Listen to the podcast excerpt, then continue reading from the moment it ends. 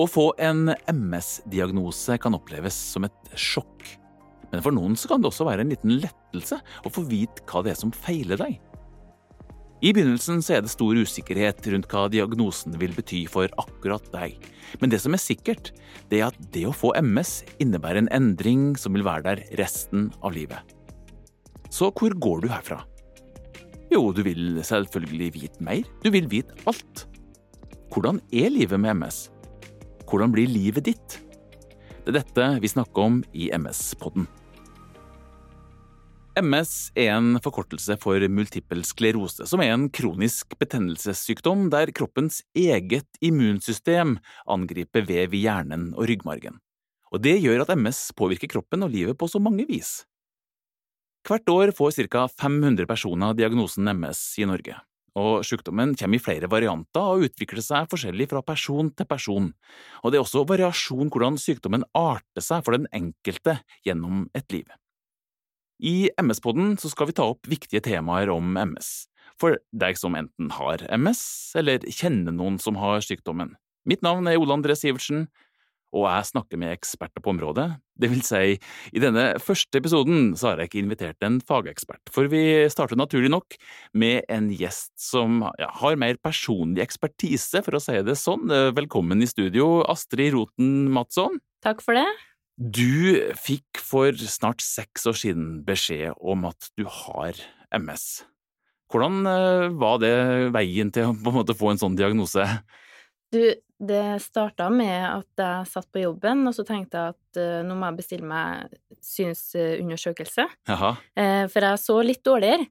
Men under en løpetur så ble synet liksom markant dårligere, så da skjønte jeg at nå er det, nå er det noe annet. Ja. Uh, og jeg dro på legevakta, og der, derfra ble jeg henvist til sykehuset og til øyelege. Mm. Og det ble fort oppdaga at det, var en synsnervebetennelse, og, og ved MR-undersøkelse så så de at det var noe galt med MR-bildene. Ja, det galt, altså hva de så for noe? Du, da var det noen hvite flekker, det visste jo ikke jeg hva betydde. Eh, og jeg er litt usikker på om de sa det til meg, eller om det er noe jeg har lest i journalen. Ja.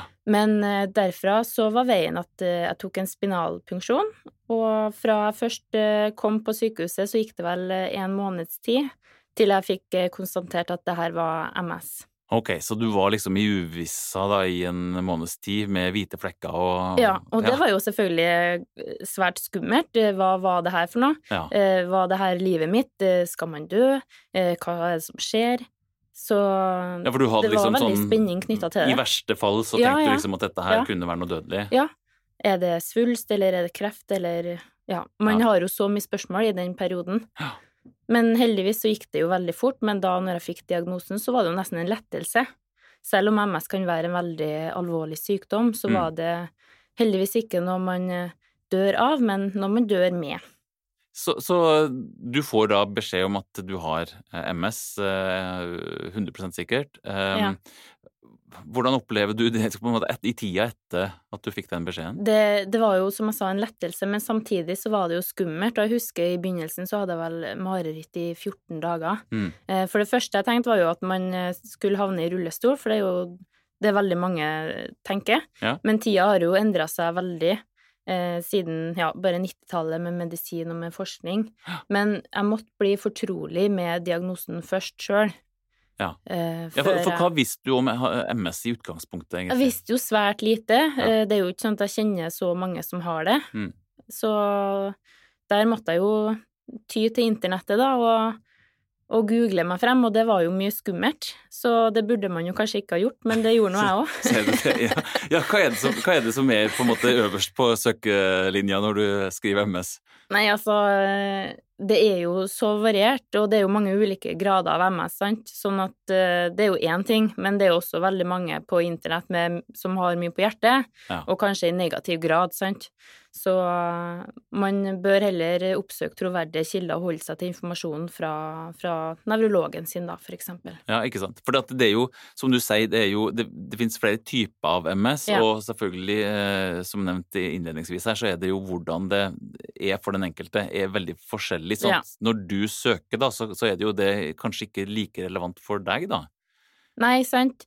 Eh, Det er veldig mye forskjellig, og også, også i en periode i begynnelsen hvor alt var nytt, så var det jo så mye informasjon at kanskje glemmer du noen ting, og så Mm. hvilken MS-type hadde jeg, og ja, bare hold deg til informasjonen fra nevrologen er mitt råd der. Ja, ikke sant. Ehm, men altså, eh, når du da har eh, Du har fått en diagnose, du begynner å få litt sånn kontroll på hva Mm. det her innebærer Ja. for deg. eh, hvordan informerer du omgivelsene da? Du har jo familie og venner som, Ja. som du trenger kanskje å si noen ting til? Ja, eh, det er jo naturlig, man må jo dele det med noen. Eh, Min familie var veldig støttende, Mm. og det er jeg jo veldig glad for. Men jeg hadde også behov for at de var sterke på vegne av meg, fordi det er jo skummelt. Eh, Og vennene tok det også veldig fint, veldig støttende, så å ha et sånt apparat rundt seg betyr jo veldig mye. Mm. Men eh, opplever du at folk har noen meninger eller kunnskaper om eh, MS i utgangspunktet? Ja, eller i, i dag nå er det jo kanskje enda mer kunnskap rundt det, men når jeg skulle stå frem og si det, så var jeg litt skeptisk, eller en del har jo en del motforestillinger om hva det er og hva det innebærer. Eh, Du tenker liksom fra, fra gammelt av, så, Ja, så ser man ja. for seg rullestol, som ja, du nevnte det, her. og det gjorde jeg jo sjøl òg, sant. Mm. Så det handler jo om å, å bli trygg på diagnosen sin sjøl først, kanskje, i hvert fall for min del, før Mm. jeg skulle da dele det med alle sammen. Hvordan merker du sykdommen da? Så det, det starta jo med et, eh, en synsforstyrrelse, Mhm. Eh, men dette var et, det som kalles for et attakk. Ja. Hva er et attakk først? Eh, Et takk er jo noe som skjer der og da, og som varer over 24 timer. Og for min del så trengte jeg jo da sterke kortison, eller en sterk kortisonbehandling for å få dempa den betennelsen. Mm. Uh, og så kan du bli helt frisk av attakket, eller du kan få litt sånn medvarende men av det. Uh, for min del så ser ikke jeg optimalt på høyre øye, jeg har svekka syn, men det fungerer i det daglige. Så et attakk det er på en måte en oppblomstring av, av sykdommen, og så, Ja. og så går den gradvis Ja, eh, og så kan du få et nytt attakk, og da kan det være noe helt annet igjen, så det trenger ikke å ha noe sammenheng med det første du hadde. Riktig. Så det er en Men- nevrologisk forstyrrelse, rett og slett. Ja. Mm. Men er det noe du får ofte? Nei, vet du, jeg har faktisk ikke hatt et attakk siden 2014, så jeg har vært eh, heldig sånn sett, bank i bordet. Ja. Eh, og tror jo at mye har med medisiner å gjøre, selvfølgelig. Eh, men i det daglige så opplever jeg jo kanskje at eh, i forhold til trening så trenger jeg litt lengre tid på å restituere. Jeg må prioritere energien min. Mm. Jeg har ikke veldig utprega fatigue, men jeg kjenner jo at jeg må ikke gape over for mye likevel. Kan ikke være for sosial i løpet av uka, da blir jeg slått ut når helga kommer. I tillegg så kan jeg kjenne på nummenhet i hodet og armer, som tidvis, som kan komme og gå. Men det er jo noe man må lære seg å leve med, sånn, sånn er det nå. Altså fatigue eller utmattelse, det er, Mm. jo, eh, det er jo et symptom som svært mange med MS eh, kjenner på, og det kan jo være helt fra at man er helt utbrent til Ja. på en måte ditt nivå, da. Ja. Det varierer jo like mye som sykdommen varierer til, til hver og en av oss. Så man må liksom bare finne sin Ja, hvor mye energi har du, da, og prioritere og porsjonere ut den utover dagen og utover uka, sant. Mm. Så, så hverdagen går rundt, da, for det er jo det det handler om. Men altså, i utgangspunktet så var jo du veldig aktiv. Mm. Eh, har du klart å fortsette med det? Ja, jeg føler at jeg er ganske aktiv, men eh, sånn som i høst nå, da, så har jeg ikke klart å være like mye aktiv, men det skyldes jo like mye at jeg har ei som går i barnehage første året, så vi er jo syke eh, hele tida. Akkurat, ja. ja. Ja, for det er, jo, det er jo et annet aspekt, Ja. det her med altså, å planlegge for en Ja. familie. For du hadde Ja. ingen barn når du Nei. fikk eh, diagnosen. Nei, jeg hadde verken barn eller samboer, så det var jo sånn sett eh, litt sånn, hva skal man si, eh, skummelt. Vil man få seg en samboer, hva skal han si? Vil han akseptere at man har en diagnose? Mm. Men han tok det veldig fint. Eh, og han kjente ingen som hadde MS fra før, og det syntes jeg egentlig var ganske godt, for da kunne jeg på en måte sørge for at han fikk riktig informasjon via meg. Ja. Eh, så, så det gikk nå bra, og vi bestemte oss for at vi ville prøve å få barn, og da må jo det planlegges, da, i Ja. samråd med nevrolog. Eh, For min del så gikk jeg på en type medisin som måtte vaskes ut av kroppen, for hvis ikke så kan det skade fosteret ganske så mye. Akkurat. Så det var nå en, eh, noe man må gjennom det òg, sant, fordi når du skal prøve å gå, bli gravid, og du må Medisinen må ut av kroppen, Mm. så så står du jo der, da, og da kan jo Det kan jo skje at du blir syk da òg, men eh, heldigvis så ble jeg raskt gravid, og under graviditeten da så får eh, kroppen en eh, liten boost Akkurat. av immunforsvaret. Ja, bare ta det første Ja, først. For at, ja. altså, hvis, du, hvis du da planlegger å gå inn i en graviditet, mm. så er det jo selvfølgelig det forskjellige typer medisiner man Ja. kan bruke her. Ja. Det er da sånn at man planlegger det ut fra skal vi si, hvor lenge det er til du skal bli gravid, og, og hva som er den optimale medisineringa for Ja, deg. da. ja. Så dere valgte etter at å gå på en medisin først som kunne være eh, skadelig hvis du hadde blitt Ja. gravid. Men det har jo også kanskje noe med at eh, da hadde jeg jo ikke kjæreste heller. Det kan godt være at jeg hadde ville begynt på en annen type medisin, hadde det vært at jeg hadde samboer fra starten av, for eksempel. Mm. De er jo veldig flinke til å tilpasse medisin både ut ifra sykdom, men også ut ifra hvor man er hen i livet, da, opplever jeg. Så det, så det er noe man, en en slags planlegging man går ganske tidlig inn i etter at man har fått en diagnose. Ja, det tenker jeg. Du må i hvert fall uh, Idet du vet at du har lyst til å bli gravid, så må du i hvert fall ta det med nevrologen, sånn at du, du har en plan på det, da, rett og slett. Mm, mm. Det er veldig viktig. Men hvordan eh, opplevde du det å bli gravid? Da du sa her at det, Ja. kroppen ble boosta litt. Altså, Jeg hvor- følte, ja, jeg følte svangerskapet gikk egentlig veldig, veldig bra. Jeg kjente ikke noe spesielt til MS-symptomer, bortsett fra at jeg var nummen i kroppen, og det forsterka seg ganske mye på slutten, så da var jeg, gikk jeg ut i permisjon litt tidligere enn hva man ellers ville ha gjort. Okay, ja. Og så var jeg jo ekstremt trøtt de første tre månedene, men hvem er ikke det, liksom? Så Nei, det er jo sant, Ja. men, men, det, men det, det er jo en ting som kan komme da i tillegg. ja, sant. Så det, men det fikk du mye informasjon, eller søkte du mye om uh, hvordan det blei? Ja, da måtte man jo tilegne seg ny kunnskap igjen, men det var veldig greit å få informasjon fra sykehuset og MS-forbundet. Mm. Det er veldig greit å ta kontakt med dem hvis man har spørsmål i forhold til graviditet og planlegging rundt det. For det er litt, det er litt ekstra, og, og, og selvfølgelig etter at man uh, har blitt nybakt mor, så Ja. er jo, som du sier, enhver ganske Ja. sliten, da. Men da er det vel greit å ha noen som vet litt om hva du trenger hjemme. Ja, absolutt. Det er, jo, sånn at eh, det å ha MS, det er jo en, et, ditt eget immunsystem som angriper eh, hjernen og ryggmargen og, og vevet der. Og etter et svangerskap så blir jo immunsystemet ditt normalt boosta, altså det blir, blir sterkere. da. Er det det som da gjør at du eh, må raskt på medisin igjen? Ja, mest sannsynlig. Jeg kan ikke alle detaljene rundt det, men det er sånn jeg oppfatter det i hvert fall. Og, og da er det jo greit å komme seg på, medis eh, på medisiner igjen. Mm. Så nå går jeg på en veldig Eller en ganske sterkere medisin enn den første jeg gikk på. Riktig. Eh, selv om jeg på en måte ikke har en veldig høyaktiv eh, sykdom, men det er også tatt i betraktning at jeg på sikt, eller vi ønsker da kanskje enda et barn, sant? Mm. Så da er det greit å ta høyde for, for det også. Fremtidige graviditeter. Ja. Er det sånn at i forbindelse med det å, å, å få barn, har man spesielle rettigheter som eh, en som har MS? Jeg vet ikke om man har noe i tillegg, men det jeg tenker er viktig i forhold til det med permisjon, da, er jo Mm. det at du kanskje ikke går ulønna så veldig lenge, for da tror jeg man faktisk kan miste rettigheter heller.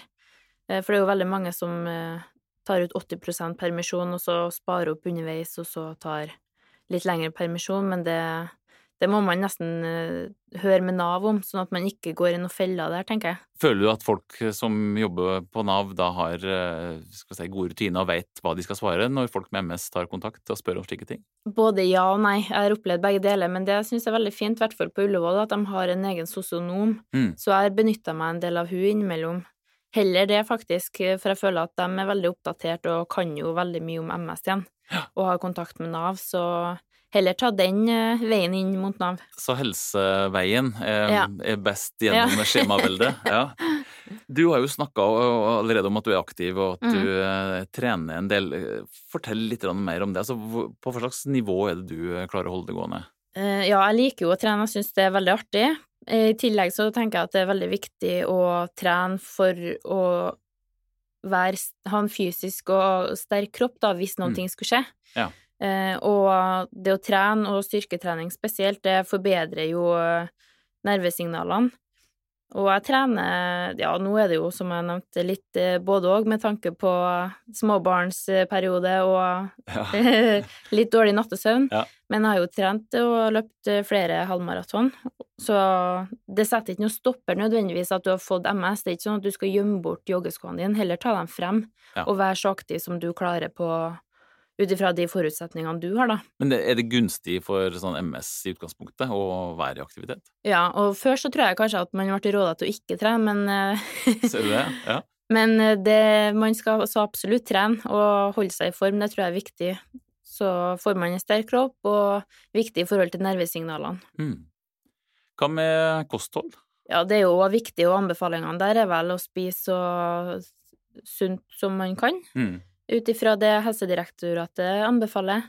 Sjøl så drikker ikke jeg brus, og jeg prøver å minimere inntaket av eh, godteri, men det er for at jeg føler meg ør i hodet av det. Akkurat. Men eh, det er vel veldig variabelt. Man må nesten gjøre det som passer seg best, men eh, for min del så, så spiser jeg sunt, og jeg føler jo at jeg føler meg friskere også, og mer opplagt selvfølgelig av å, å spise sunt. Eh, alkohol, har det noen spesiell virkning? Vet du om det? Ja, jeg vet ikke om det har noe med MS å gjøre, men jeg tåler for det første ingenting, og hvis jeg drikker så får jeg vondt i hodet dagen etter, og det er ikke snakk om mange enheter. Nei, riktig. Men eh, så jeg tenker nå at man må finne ut av det òg sjøl, men jeg styrer egentlig unna, i den grad jeg Ja, Det man kjenner seg sjøl best, ja tross alt. absolutt. Eh, Det er mange som har MS som eh, får problemer med det man kaller vannlating, Mm. altså tissing. Mm. Det er jo kanskje litt tabubelagt. Hva med deg, er det noe du har kjent på kroppen? Ja, så absolutt. Ja. I hvert fall under den første medisinen jeg gikk på. Eh, Der sto det også at hyppig vannlating kunne være en del av bivirkningene, så da er det veldig vanskelig, sant? Ja, ja. Hva er hva? Er det MS, eller er det medisinene, eller var det det store kaffeinntaket? Så det endte jo med at jeg faktisk fikk eh, engangskateter fra Ullevål. Men eh, jeg har jo skifta medisin nå, og jeg drikker ikke så mye kaffe lenger. Og så nå føler jeg ikke at jeg har noe problem med det i hele tatt, så jeg har nå aldri fått brukt det der engangskateteret. Og, eh, og godt er nå det, men, men altså, jeg tenker hvis man har problemer med det, så oppsøk hjelp og ta imot hjelpemiddel hvis du har behov for det. Men er det sånn uh, Her vet du jo om Mm. at noe er et symptom. Ja. Uh, er det sånn at man, du går og leter etter ting som på en måte du vet andre har hatt, at du kan få det samme, og at du uh, Ja. Det er jo lett for deg at man leter litt etter symptomer, Mm. og jeg merker jo at jeg tar meg sjøl i det innimellom. Men, eh, men jeg tror ikke at man skal tillegge alt til MS, for da blir man kanskje sykere enn hva man er, altså. Ja. Så, men absolutt, man skal jo ta symptomene på alvor. Det skal man. Ja. Det skal man, men uh, ikke alt skyldes MS, tror jeg, nei. Nei. Andre har problemer som vi har, og motsatt, så Ja, det er akkurat det, vet du.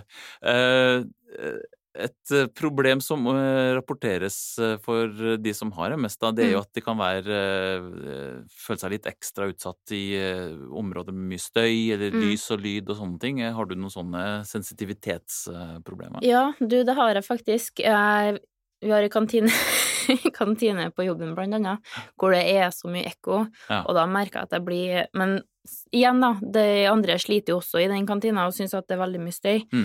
Men eh, det er en del restauranter, for eksempel, som jeg bare må styre unna, så hvor det er for mye støy, da. Jeg klarer ikke å henge med. Ja. Og jeg bare føler at uh, du klarer ikke å henge med i samtalen og Men også det med lys, da, for Ja. eksempel på kjøpesenter og sånne ting, så Men det henger vel kanskje sammen med den synsnervebetennelsen. Riktig. At det blir veldig intenst med sånn der flombelysning. Men du, men du tenker at du, du eh, lærer deg på en måte hvordan du håndterer sånne spesielle spesielle ting? Ja. så Man kan jo styre unna i den grad det lar seg gjøre, selvfølgelig, Mm. men eh, klarer jo å holde ut på restaurant òg, det er jo ikke det. Nei da, nei da, men det er i hvert fall noe du, du lærer deg hvordan du skal takle. Ja, Du blir jo litt bevisst Takle. på det, ja. Altså, hvis du kan tenke litt sånn overordna, da, altså, hvordan syns du det er det å leve med en MS-diagnose? Stort sett så går det jo veldig greit, fordi jeg har jo heldigvis eh, ikke de verste plagene, men det, der er man jo veldig forskjellige rammer. Mm.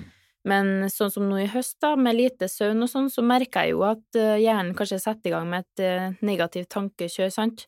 At ting baller litt på seg. Mm. Eh, Men da er det viktig å ha et positivt nettverk rundt seg som backer deg. Og så lenge du er litt bevisst på det sjøl og reflektert, så, så kan man jo fint klare å komme seg litt ut av det igjen. Hvis vi skal, hvis vi skal eh, prøve å oppsummere litt, da. Mm. Altså, det vi vet, er jo at MS er en kronisk betennelsessykdom Mm. som kommer i flere varianter og utvikler seg veldig forskjellig fra person til person. Det har jo du vært skal si, litt heldig, for å si det sånn. At det Ja. preger deg ikke så mye i hverdagen.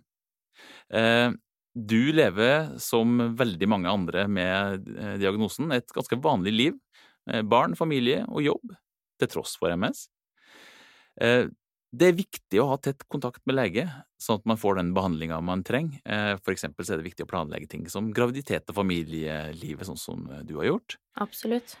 Du er flink til å avpasse energinivået og på en måte prioritere hva du skal delta og i hvilken grad.